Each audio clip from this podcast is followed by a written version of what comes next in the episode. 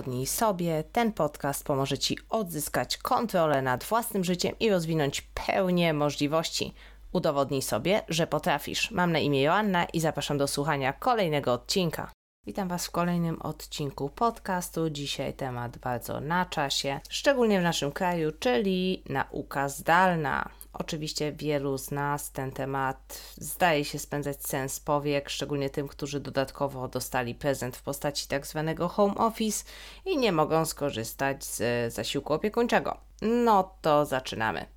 Po pierwsze, wiadomo, że zakres pracy samodzielnej jest różny w różnych szkołach, zarówno jeżeli chodzi o dostępne materiały do nauki, dostęp do komputera, dostęp do y, drukarki. W niektórych szkołach odbywają się już y, lekcje wirtualne nawet na żywo, w innych niestety nie.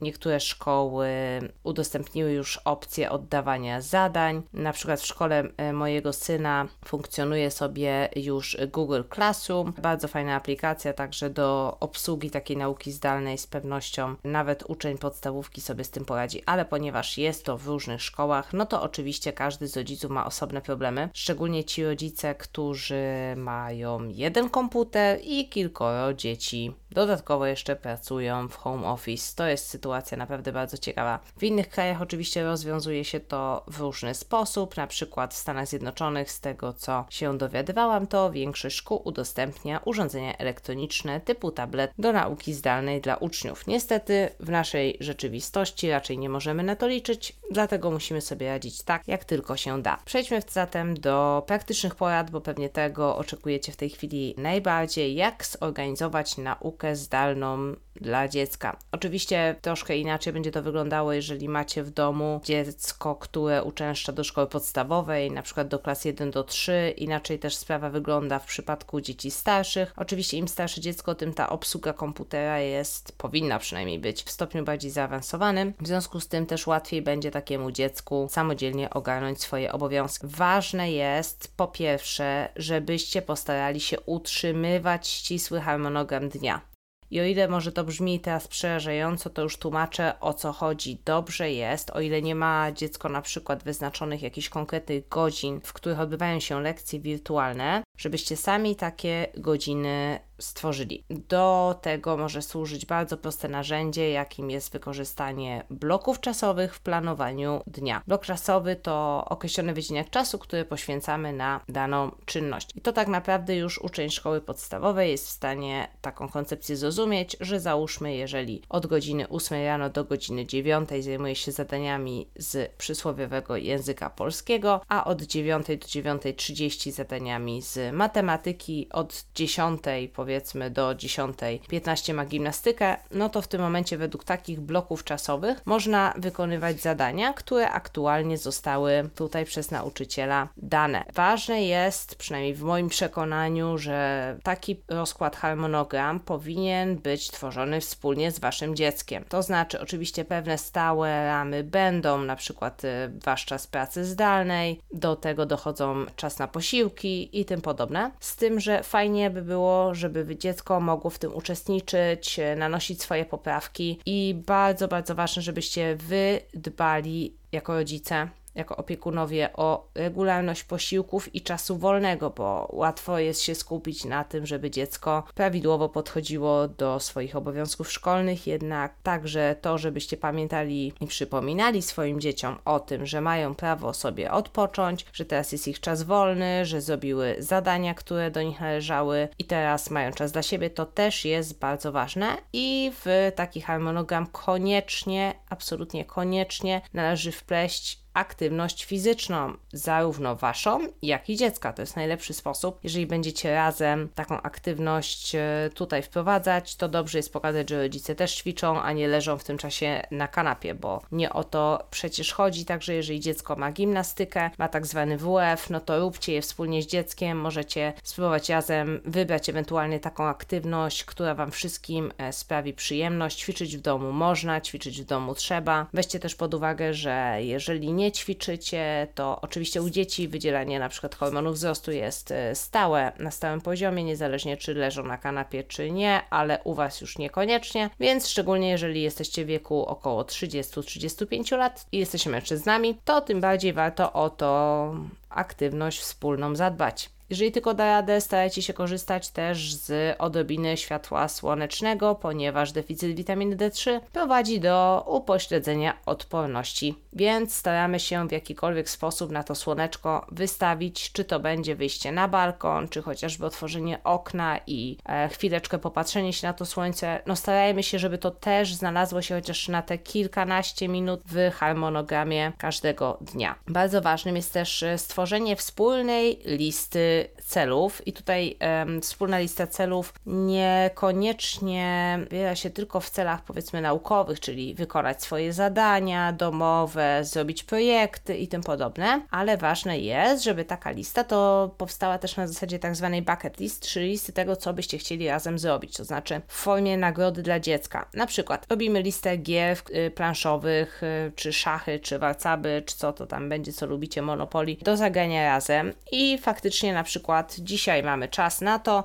w naszym bloku spędzania czasu razem, w nagrodę za to, że wy pracowaliście, dzieci pracowały, gramy sobie w taką grę. Możecie też zrobić listę książek do przeczytania dla każdego domownika, to na pewno ułatwi Wam troszeczkę organizację czasu. No i oczywiście lista filmów do obejrzenia. Może to być lista tak naprawdę wszystkich rzeczy, które chcecie robić razem, które mają być czasem spędzanym wspólnie, bądź też obok siebie, ale dla przyjemności. Od początku nauki w formacie zdalnym dobrze jest stawiać na samodzielność dziecka w szkole. Przecież dzieciaczkiem swoim nie siedzisz i za niego nie robisz, więc wdrażaj go do samodzielnej pracy. To mu się bardzo przyda w życiu. Zresztą tobie też, bo będziesz mógł chociażby wykonywać swoje obowiązki, jeżeli chodzi o home office, czyli dziecko uczy uczymy, jak obsługiwać aplikację czy system do komunikacji z nauczycielem, pokazujemy, jak zrobić określone zadania, ale staramy się, by dziecko jak najszybciej zaczęło robić to całkowicie samodzielnie, bądź ewentualnie z niewielką pomocą z naszej strony, szczególnie jeżeli chodzi o wykonywanie zadań na komputerze. Ta umiejętność bardzo, ale to bardzo się mu przyda w przyszłości. Polecam też, jeżeli macie problemy na przykład z tym, że wasze dziecko w domu nie potrafi się skupić na lekcjach, dobrze jest wypróbować technikę, która nazywa się Pomodoro. Jest to system y, wspomagający skupienie uwagi. Jest to bardzo proste do zastosowania. Bierzecie sobie dowolny minutnik, ustawiacie sobie czas, który wspólnie z dzieckiem ustalacie, na przykład 15 minut zadania, 5 minut przerwy przerwy. Czyli jeżeli dziecko ma do wykonania powiedzmy 10 zadań z języka polskiego, to w tym momencie przez 15 minut pracuje, a przez 5 minut odrywa się od tych zadań, robi coś zupełnie innego, niezwiązanego z,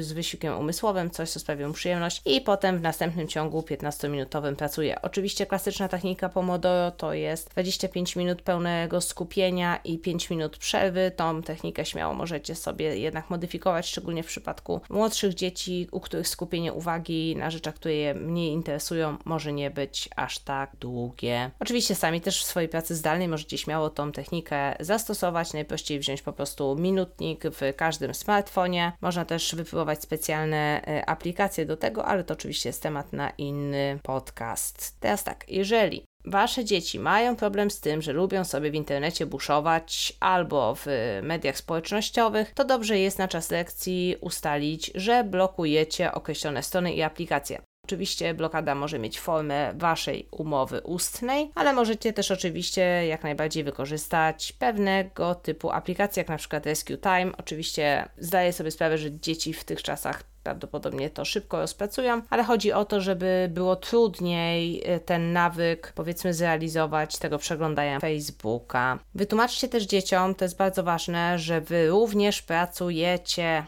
Dziecko wykonuje swoją pracę w domu, a wy swoją. I te prace są tak samo ważne i tak samo potrzebne. Niech dzieci szanują wasz czas, Wy będziecie szanować ich czas. W ten sposób ta cała sytuacja może Was zbliżyć do siebie, może spowodować, że lepiej będziecie ze sobą współpracowali również w przyszłości. I na koniec pamiętajcie, że przykład idzie z góry. To znaczy, jeżeli wy sami nie czujecie się ogarnięci w nowej sytuacji, co może być zrozumiałe, to zróbcie wszystko, żeby swój własny harmonogram pracy ogarnąć żeby wyznaczyć sobie te kamienie milowe, żeby wyznaczyć sobie bloki czasowe, żeby wyznaczyć sobie cele, jakie macie do osiągnięcia, godziny pracy, żeby to wszystko było jak najbardziej stałe, niekoniecznie przypominające tak totalnie rozkład dnia z czasów, kiedy pracujecie powiedzmy w swoim biurze, ale starajcie się zrobić z tego jak najbardziej stałą rzecz, bo w tych niepewnych czasach to, co może utrzymać nas w dobrej kondycji, zarówno psychicznej, jak i fizycznej, to nawyk,